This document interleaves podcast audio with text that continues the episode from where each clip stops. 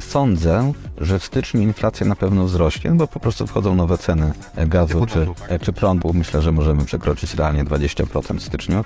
Natomiast pytanie, co dalej? To nie jest obecna sytuacja. Ropa jest teraz chyba tańsza niż przed wojną, a ceny dalej są w Polsce wysokie. Gdyby wszyscy Polacy wrócili na drzewa, zaczęli się żywić, nie wiem, jabłkami i w ogóle przestali cokolwiek emitować, to świat tego w ogóle nie zauważy. O taniej kupimy z zagranicy. No niestety też nieprawda, bo Unia Europejska planuje teraz serię nowych e, podatków. Biznes Rider. Cześć, witajcie w nowym odcinku Business Ridera, a moim gościem jest Sławomir Mencen. Chciałem się ze słuchaczami pogadać o prognozach tym, co będzie w przyszłym roku, bo są duże zmiany, e, mamy wysoką inflację, rząd e, naprawdę e, robi ciekawe rzeczy, jeżeli chodzi o tarczę antyinflacyjną. Chciałem też o, tym porozmawiać, bo ceny wszystkiego, tak jak widzicie, rosną diametralnie i do czego nas to zaprowadzi. Więc pierwsze pytanie, to widzimy, jest, jest duża inflacja jakby odczuwamy ją, widać, że wszystko droższe. I pierwsza rzecz, którą dzisiaj, dzisiaj robi rząd, to zdejmuje nam tą tarczę anty, antyinflacyjną. I teraz, co w ogóle sądzisz o tej ta- tarczy? Czy rząd powinien to robić? A drugie, druga sprawa, to VAT na paliwa mógłby dalej być podobno 8%, a będzie, dwa- będzie 23%. Y, Rząd tłumaczy się, że to będzie, że to jest kwestia Unii, a de facto inne kraje mogą to robić. Więc co ty na ten temat sądzisz? Czy tak jest naprawdę? To jest kwestia faktów, a nie opinii. Unia Europejska zgadza się na to, żeby VAT na paliwa wynosił 5%. W Estonii dalej VAT na paliwa będzie wynosił 5%, w Chorwacji zdaje się również, jeszcze w kilku innych państwach. Natomiast nasz rząd zwiększa to do 23%, nie dlatego, że zmusza go do tego Unia Europejska, tylko dlatego, że potrzebują pieniędzy. Będą nas łupić na paliwach dalej z własnej woli i próbują winę na to zrzucić na Unię Europejską. Na szczęście sprawa się wydała. E, Poruszaliśmy ten temat na konferencjach prasowych, w mediach społecznościowych. Telewizja zaczęła o tym mówić, gazety pisać, więc ciężko będzie im to kłamstwo dalej ukrywać. Pytanie, czy te tarcze antyinflacyjne powinny być, czy nie, no to zależy, jakie cele chcemy zrealizować. Jeżeli naszym celem jest to, żeby e, ubić inflację, no to nie powinno tego e, być. Natomiast jeżeli naszym celem jest to, że okej, niech inflacja będzie, ale żeby ludziom się lepiej żyło, albo żeby biznes tam nie padł, e, no to wtedy można się nad tym zastanowić. Zwróćmy uwagę, że Niemcy na przykład dotują swoje przedsiębiorstwa i utrzymują dla nich niższe ceny energii. Teraz, co by się okazało, gdyby Niemcy dotowali swoje przedsiębiorstwa, a Polacy nie? No to by niemieckie zaraz nas wygryzły z powodu tańszych kosztów produkcji. Więc pamiętajmy, że nie jesteśmy taką samotną wyspą na oceanie, ale to jeszcze są inne e, państwa dookoła nas. Gdyby chociażby państwa Unii Europejskiej trzymały tutaj jakąś solidarność i przyjęły wszystkie jedną politykę, przykład, że nie dotujemy e, cen dla e, cen energii dla przemysłu, no to wtedy byłaby możliwa uczciwa konkurencja. Jeżeli Niemcy dotują swój przemysł, a Polacy swojego nie będą dotować, no to nasz przemysł po prostu padnie i już go więcej nie będzie, bo ceny prądu go wykończą czy gazu. Więc to są bardzo trudne decyzje. Ja rozumiem e, ten pogląd, że powinno się utrzymać e, tarcze antyinflacyjne i utrzymać niższe ceny energii czy gazu, bo to naprawdę będzie mordercze dla wielu przedsiębiorców. E, Słyszałem ostatnio, o ile wzrośnie cena gazu, chociażby dla piekarni, jak się to przełoży bezpośrednio na ceny chleba czy ceny w zasadzie dla każdego, kto zużywa ten prąd czy gaz. Y, Ta zmiana cen jest po prostu szokująca od przyszłego roku i jeżeli tu się nic dziwnego nie wydarzy, to będzie istotny wzrost inflacji od stycznia. Jak jest, że już na e, branża beauty, która e, nie ma opartego produktu czy usługi o, o prąd, ale grzeje często e, swoje gabinety, zakłady kosmetyczne, grzeją gazem i prądem. Oni po prostu już nawet nie stać ich, bo ten gaz jest zbyt duży, dużą częścią w ogóle przychodów, żeby i się po prostu zamykają. Jest no, wiele nowych, no, nowych firm, znaczy wiele firm się zamyka w tym roku, tak? Myślę, że częściowo niektórzy przeszli na, na spółkę ZO, e, a niektórzy też jakby po prostu nie, nie wytrzymali e, tego ciśnienia. I my- myślę, że w, w którym kierunku to, to, to dojdzie? Że ta inflacja będzie, będzie jeszcze w przyszłym roku wyższa? Jak ty w ogóle jakby to oceniasz, tak? E, czyli dzisiejsze decyzje rządu, jak mogą wpłynąć na, na to, co będzie w przyszłym roku? Więc e, co będzie dokładnie, to nikt nie wie. Nie chciałbym też e, tutaj stawiać jakichś e, takich prostych prognoz, bo się po prostu mogę pomylić. Sądzę, że w styczniu inflacja na pewno wzrośnie, bo po prostu wchodzą nowe ceny e, gazu czy, prądu, tak. e, czy prądu, więc tu nie wiem, co by się musiało wydarzyć, żeby w styczniu znacząco nie wzrosła, e, nie wzrósł poziom inflacji względem tego roku. Myślę, że możemy przekroczyć realnie 20% w styczniu. Natomiast pytanie, co dalej? No, Mamy spowolnienie wzrostu cen. Już w listopadzie inflacja trochę spadła, bo chyba za październik było 17,9, a za listopad zdaje się 17,6 czy nawet 17,4. Natomiast dalej wzrosła inflacja bazowa. A inflacja bazowa to jest ten poziom cen z wyłączeniem cen energii oraz żywności. I ona wzrosła. co pokazuje, że te wewnętrzne czynniki wskazują prowadzące do wzrostu inflacji dalej się utrzymują. No z drugiej strony na rynkach mamy teraz spadek cen surowców, więc może być różnie. Y, mi się wydaje, że najbardziej prawdopodobny scenariusz jest taki, że na początku roku inflacja mocno wzrośnie, a potem zacznie spadać. Natomiast czy tak będzie, to ja naprawdę nie wiem. Nie wiemy chociażby, co będzie dalej ze stopami procentowymi. Co, było, co, co się miało dziać w drugiej połowie roku, to dowiedzieliśmy się dzięki Adamowi Glapińskiemu, bo na Molo w Sopocie powiedział jakiś pani, że będzie tylko jedna drobna podwyżka stóp procentowych, a potem będzie utrzymywał. Tak było ustalone. I się do, do, traktat Sopocki został do tej pory utrzymany przez dobre pół roku, a przypominam, że wtedy naprawdę nikt nie wiedział, co będzie, bo byliśmy po bardzo długim ciągu podwyżek stóp procentowych i to nie wiadomo wtedy było, czy to już jest koniec, czy nie. I traktat został dotrzymany. W związku z czym teraz apel do widzów, bo rozumiem, że to puszczane już będzie zimą, E, że jak na Krupówkach spotkacie Adama Glapińskiego, to koniecznie podbijcie do niego i zapytajcie, co dalej ze stopami procentowymi. Będziemy mieli pakt z Krupówek albo z Zakopanego i dowiemy się, co dalej. Cała Polska się wtedy dowie, dokładnie, dokładnie będzie. Ale właśnie co ty cenisz o e, Adamie Glapińskim, o jego decyzjach, jakby e, o, o tym, jak on reprezentuje Narodowy Bank Polski? W mojej opinii reprezentuje jak najgorzej. Już pomijając problemy wewnętrzne, ten konflikt pozostałymi członkami Rady Polityki Pieniężnej, tego wystąpienia w formie stand-upu. Przecież on przychodzi i gada jakieś kocopoły zupełnie e, nieistotne. Ostatnio e, uświadomił e, Polakom z perspektywy osoby zarabiającej prawie 100 tysięcy złotych miesięcznie, że ceny wcale nie są takie wysokie, że on poszedł do sklepu, spisał sobie ceny chleba, masła i stwierdził, że go stać, że nie jest tak drogo i Polacy głupoty gadają, że jest drogo, tak? Kabaret, słucha się tego jak kabaretu. Ten facet cały czas, przypominam, ostrzegał nas, że będzie deflacja, że inflacja na pewno nie wzrośnie, że na pewno jesienią zeszłego roku mówił, że nie będzie podwyżek stóp e, procentowych, że on się nie boi inflacji. On nie ma zielonego pojęcia na temat e, tego, co się dzieje. Nie ufam żadnego prognozy, ani żadnego e, tłumaczenia, co się dzieje i dlaczego. Dla mnie to jest postać cokolwiek niepoważna. Mhm. Jedyne w, prywa- w prywatnej jego opinii poza kamerami, tak?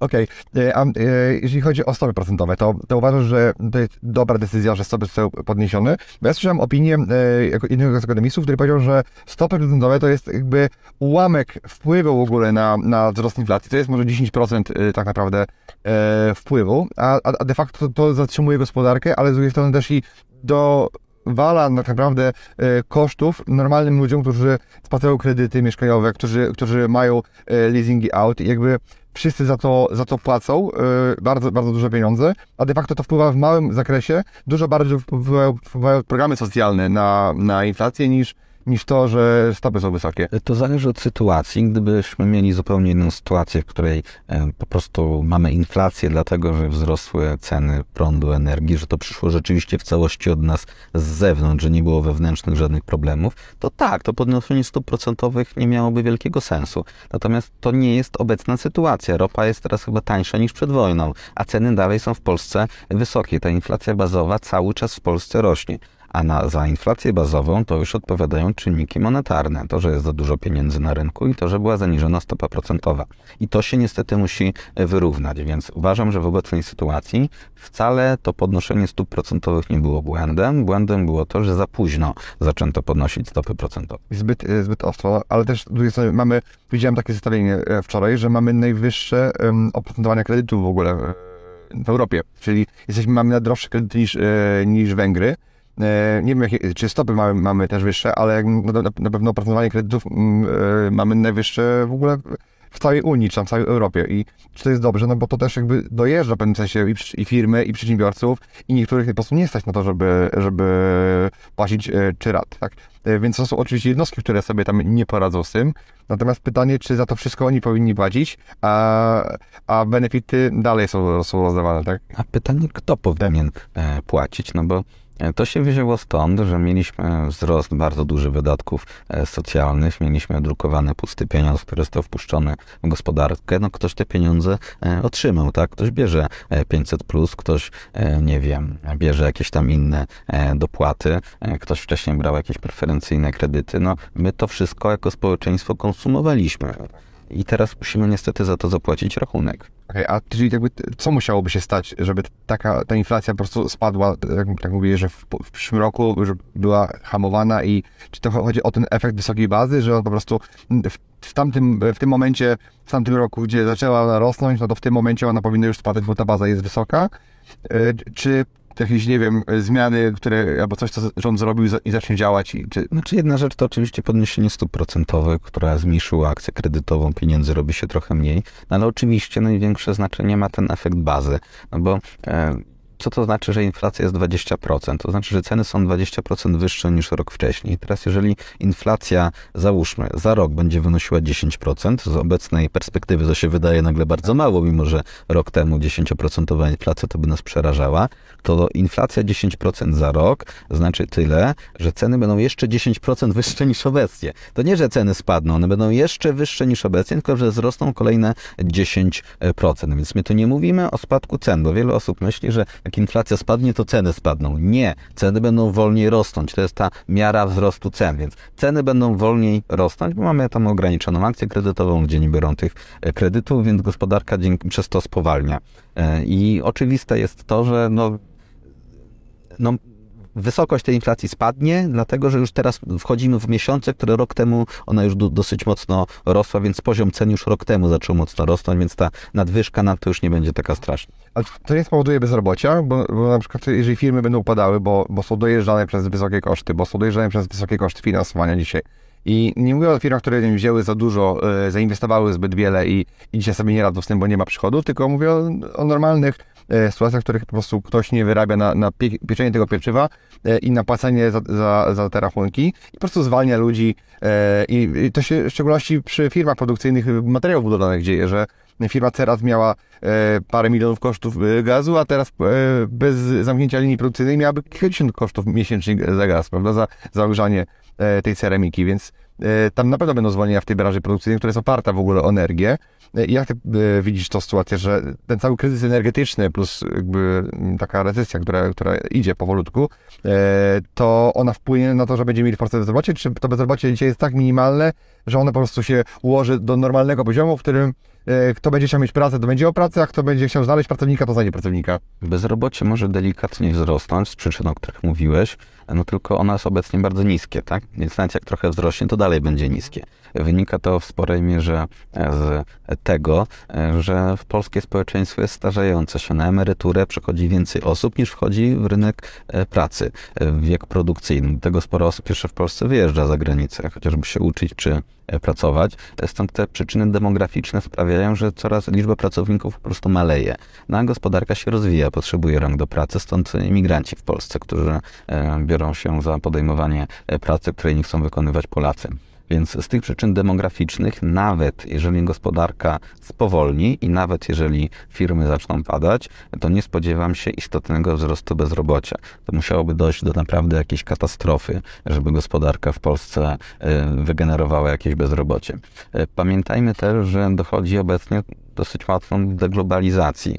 Firmy wycofują się z produkcji w Chinach. Ten konflikt pomiędzy, Rosji, e, pomiędzy Stanami Zjednoczonymi a Chinami e, się robi coraz bardziej poważny i sporo firm zauważyło, że dochodzi do takich sytuacji jak najpierw wirus, czy potem wojna, że im się rwą łańcuchy dostaw, to lepiej trochę drożej produkować tu na miejscu, niż trochę taniej na końcu świata, kiedy nie mamy pewności, czy i kiedy ten towar będziemy w stanie do Polski, do Europy dostarczyć. I to jest szansa dla takich państw właśnie jak Polska, bo ta produkcja trochę też tutaj się e, przeniesie. No, oczywiście nie ma gwarancji, że tak będzie, bo jeżeli u nas ceny energii będą znacznie wyższe niż e, gdziekolwiek indziej, no to to może być mimo wszystko ekonomicznie nieopłacalne, ale gdyby tutaj nie szaleć z energią, gdyby nie przyspieszać za bardzo e, tej transformacji energetycznej, to tak, to byłaby szansa na pozyskanie bardzo ciekawych inwestycji. No ale właśnie, jak to jest, że my jako kraj, który śpi na węglu, tak naprawdę mamy go na 200 lat podobno, tak naprawdę dzisiaj e, płacimy tak wysokie koszty, koszty prądu, e, czy to kwestia e, tych obostrzeń unijnych, czy to kwestia tego, że tak jakby, jak ja to patrzę z, z lotu ptaka z perspektywy, gdzie nie jestem politykiem, to, to, jakby, to było takie zaplanowane działania rządu po to, żeby po prostu było drożej. I jak ty to widzisz? Oczywiście, że tak. Cały unijny mechanizm tych e, handlu emisjami jest tak skonstruowany, że ten, kto ma prąd z węgla, ten musi płacić za niego dużo więcej. Ceny prądu, e, ceny energii elektrycznej produkowanej z węgla są zawyżane w sposób administracyjny. I to nie tylko poprzez te ceny emisji. Same już są, nie chcę wchodzić tutaj w szczegóły, ale kopalnie mają mnóstwo problemów związanych z tym, że różnego rodzaju przepisy znacznie zwiększają koszty wydobycia węgla. Do tego dochodzą te wszystkie obowiązki ESG, to znaczy duże firmy zaczynają raportować, jak one tam dbają o środowisko i tam różnego rodzaju inne sprawy społeczne. Duże firmy zaczynają wymagać, fundusze inwestycyjne, banki zaczynają tego wymagać od swoich kontrahentów. Teraz, czy ktoś chce, czy nie chce, będzie musiał być na przykład niedługo zeroemisyjny, bo bank go do tego zmusi, albo ubezpieczalnia, albo duża firma, która sprzedaje meble produkowane przez naszą małą firmę na przykład. Więc to idzie od góry bardzo mocno i polski biznes będzie musiał się do tego dostosować. Natomiast to wszystko to są, prowadzi do wzrostu e, ceny. I teraz ktoś powie, no dobrze, no to w Europie się będzie drożej e, produkować, to taniej kupimy z zagranicy. No niestety też nieprawda, bo Unia Europejska planuje teraz serię nowych e, podatków. Jeden z nich to właśnie ma być takie cło emisyjne. To znaczy, jeżeli ktoś coś produkuje sposób zanieczyszczający środowisko, emitujący dwutlenek węgla do atmosfery, nie wiem, w Chinach albo w Turcji i sprzeda to na terytorium Unii Europejskiej, to będzie musiał specjalnie cło zapłacić po to, żeby wyrównać cenę pomiędzy um, tymi towarami w Europie drogimi, e, a tymi tańszymi spoza Europy, no co oczywiście doprowadzi do tego, że koszty życia w Europie będą większe niż gdziekolwiek inny. Gdzie Europa próbuje być takim prymusem tej transformacji energetycznej, no i doprowadzi to niestety do wzrostu kosztów życia. I o ile Belgia Belgowie, Holendrzy, mieszkańcy Luksemburga to sobie z tym poradzą, o tyle Polakom się niestety będzie żyło dużo drożej, bo nie mamy takich e, oszczędności, nie mamy takiego poziomu życia, nie mamy takiego poziomu dochodu, więc nas to dotknie najbardziej. A co ty sądzisz tak prywatnie na ten temat? Jeżeli ty, ty byś był włodarzem i decydował e, w Unii na temat tego, czy e, te przepisy o zielonej energii i miałoby wejść i obciążać każdego, kto ten świat generuje, czy raczej byś po prostu powiedział, ok, więc wolny rynek, generalnie każdy niech robi co chce. Dlaczego mamy płacić za, e, za, za to, że nie wiem, Chińczycy palą w piecu, tak, e, u siebie? E, to, to, to, to... Absolutnie nie szedłbym w tym kierunku. Europa robi się coraz mniej istotnym zakątkiem świata. Jeżeli spojrzymy na emisje Stanów Zjednoczonych, Chin, Indii, czy nasze europejskie, no to okazuje się, że nasze są naprawdę bardzo e, niewielkie. Europa już teraz jest mocno ekologiczna, jesteśmy w miarę czystym kontynentem i mamy bardzo mały wpływ na, na to, co się dzieje na świecie z emisjami. Dopóki ktoś nie wymyśli, e, co to zrobić z Indiami, z Chinami, ze Stanami Zjednoczonymi, z innymi rozwijającymi się państwami, e, to to, że Europa tutaj zaciśnie pasa, będzie się żyłować i będzie płacić za wszystko więcej, nie ma wielkiego wpływu na losy świata. Czy to ma wpływ tak naprawdę na nasze powietrze, czy tam palimy e, wszystkim, tak jak powiedział e, tutaj prezes, e, to ja to czuję na przykład, tak? Może w Warszawie tego nie czuć, ale na przykład e, są małe miasta, do których się pojedzie i się wyjdzie i po 15 minutach bycia w centrum miasta generalnie czujesz, że twoje ubrania, włosy, wszystko śmierdzi. E, I, i no, niestety e, kiedyś tego nie było.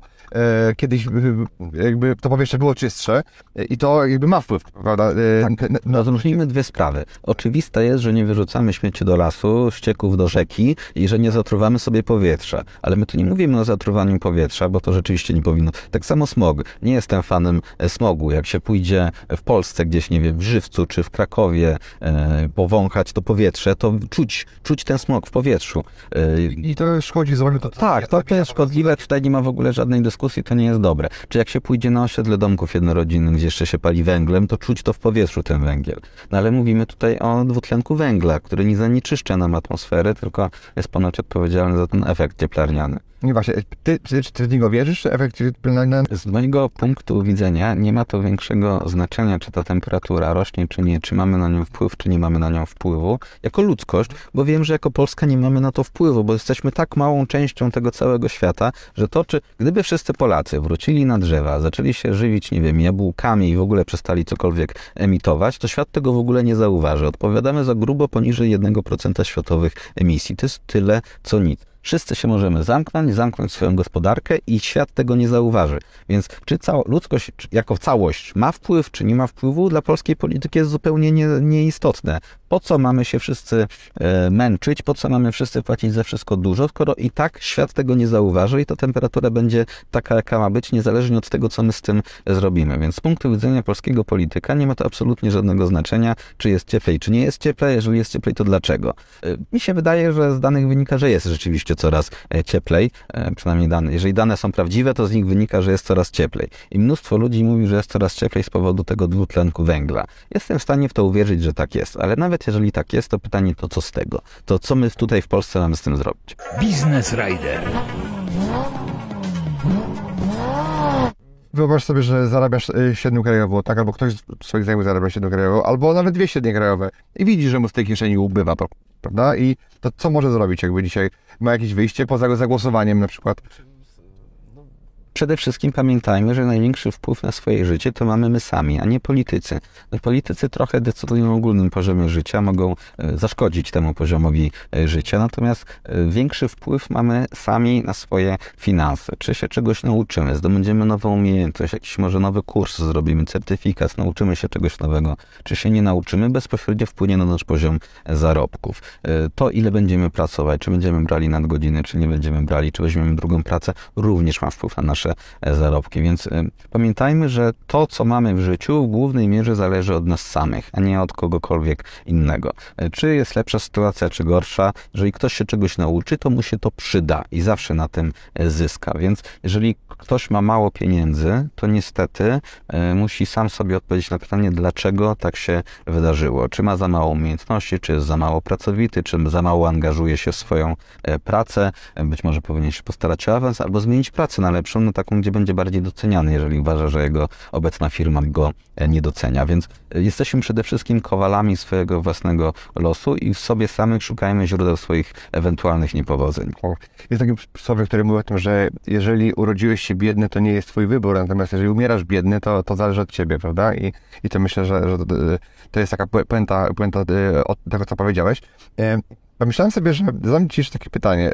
Jakie są takie trzy e, dobre rady, które dostajesz od kogoś e, dotyczące finansów, dotyczące zarządzania e, sobą, finansami i, i jakby, jakby pieniędzmi, które, które jakby zapamiętałeś i wywarły jakby wpływ na Twoje życie? W sensie finansami firmy? E, I finansami, czy swoimi osobistymi, czy firmy, czyli jakby takie rady finansowe, które być może dostałeś od ojca, być może dostałeś od kogoś z rodziny, od kolegi, od wspólnika. E, Muszę się zastanowić, czy ktoś mi dał trzy rady e, dotyczące finansów, dotyczące mojego życia. Może powiem trzy rady, które mi się przydały w firmie. To będzie mi prościej odpowiedzieć. Pierwsza, nie układaj budżetów. E, bo jeżeli wprowadzi się do firmy budżetowanie, no to efekt jeden będzie taki, że rzeczywiście e, stabilność wydatków e, wzrośnie, będziemy to mieli bardziej przewidywalne, ale z drugiej strony wysokość tych wydatków wzrośnie, bo jak ktoś jakiś dział dostaje budżet, to musi go potem wykonać, żeby nie stracić na przyszłość tego budżetu, więc nieintuicyjne to jest, ale zwiększenie, wprowadzenie budżetowania prowadzi do wzrostu wydatków. Druga rada, absolutnie nie należy oszczędzać na, na szkolenia dla, dla pracowników. Tutaj rzucamy dowolną ilość pieniędzy, to się po prostu zawsze zwraca. E, o, to jest też ciekawe. E, czy jesteście firmą, czy nie jesteście firmą, uczenie się zawsze się opłaca. E, tak, szkolenie się po prostu nie ma lepszej inwestycji niż inwestowanie w siebie. Ktoś kupi akcję, nie wiem, obligację, nieruchomość, przyniesie mu to parę procent w ciągu roku, a zwrot z nauczenia się czegoś, czy zdobycia e, jakichś nowych umiejętności jest po prostu nieograniczony, tak? Więc nie ma lepszej inwestycji niż inwestowanie w siebie, w przypadku firmy inwestowanie również w swoich e, pracowników. To jest druga rzecz. Trzecia, nie wiem, może nie należy za bardzo inwestować na kredyt, bo w tak zmiennych okolicznościach, kiedy wszystko się może wywalić w każdym E, momencie. Przez ostatnie 2-3 lata zdarzyły się takie rzeczy, których absolutnie nikt się nie spodziewał. Ostatnio mówiłem, że po tym, co mnie spotkało w roku 20, czy teraz 22, to już się nawet z ataku godzili z Bałtyku spodziewam w 23, więc trzeba być gotowym na e, najgorsze. Zawsze trzeba mieć jakieś, jakąś poduszkę finansową, jakieś oszczędności, nie, nie lewarować się pod korek, e, żyć trochę oszczędniej i ostrożniej w tak zmiennych czasach. Kredyt jest świetnym narzędziem i dźwignią, ale w przypadku, kiedy mamy poduszkę i robimy to to z głową, tak? Ja się pod tym podpisuję, bo ja zarobiłem mnóstwo pieniędzy na nieruchomościach, ale najwięcej, największą stopę zwrotu mam właśnie z edukacji, nie z tej szkolnej, takiej y, klasycznej y, studiów czy, czy, czy tylko kursów, y, wy- wyjazdów różnego rodzaju, gdzie poszerzyłem swoją perspektywę i tego nikt mi w szkole nie nauczył, więc ja najwięcej zarobiłem pieniędzy, wkładając właśnie, y, właśnie w, ku- w kursy, y, w szkolenia i, i właśnie w, te, w tego typu rzeczy, tak? A propos, jeżeli ktoś z Was chce się nauczyć, jak kupować okazyjnie mieszkania, no to ja też takie warsztaty prowadzę i to link jest w opisie. To powiedz mi takie jakby trzy w takim razie złe rady, które dostałeś od kogoś, y, które w perspektywie nie zadziałały, czy, czy może od razu wiedziałeś, że one- mogą nie siąść po prostu. Na pewno każdy ma różnych doradców i ja też od, nie wiem, od, od mamy na przykład usłyszałem takie rady, które gdyby mi się zostało, to na pewno byśmy nie siedzieli e, dzisiaj e, w tym miejscu i nie byłem w tym miejscu. Być może byłbym szczęśliwym człowiekiem również, natomiast, e, natomiast pewnie by mi się żyło ciężej. Więc jakie są takie trzy rady, które Sławek e, dostałeś, a, a uważam, że, że nie, nie końca ci się przydały? Cała moja rodzina prawie była przekonana, że absolutnie nie powinienem zakładać firmy, tylko należy iść e, do pracy. Najlepiej jeszcze na jakiś uniwersytet i mieć dobrą, spokojną e, pracę. Bardzo cieszę się, że tego e, nie zrobiłem. Myślę, że bym nie do końca się do tego nadawał i bardzo cieszę się, że zaryzykowałem i założyłem swoją firmę i zostałem przedsiębiorcą. Druga rada, nie wydaje mi się, żebym chyba ją otrzymał, ale wiele osób ją otrzymuje. To rada brzmi, jaka praca jaka płaca, taka e, praca. E, To jest bardzo ważne wśród e, młodych ludzi, bo ludziom się wydaje tak, okej, ktoś mi płaci minimalną, to ja się teraz nie będę starał. Ja się dopiero zacznę starać, jak zaczną mi dużo płacić. To jest straszna rada, która może zepsuć komuś karierę, bo nikt nie będzie dużo zarabiał z takim podejściem, tak? Najpierw trzeba się wyróżnić, trzeba coś pokazać, pokazać, że dokładnie, pokazać, że jest się wartym więcej niż ta płaca minimalna, to wtedy się oczywiście dostaje podwyżkę. Ale jeżeli ktoś nie wykaże się w tym momencie, no to już się nigdy nie wykaże, no bo nikt mu nie da podwyżki. To tak jakby e, ktoś powiedział, że no ja to będę piłkarzem, ale naprawdę będę się starał dopiero jak trafię do, nie wiem, do Barcelony. No to wtedy nigdy nie trafisz do Barcelony, jak najpierw bardzo się będziesz e, starał. To wydaje mi się zupełnie oczywiste.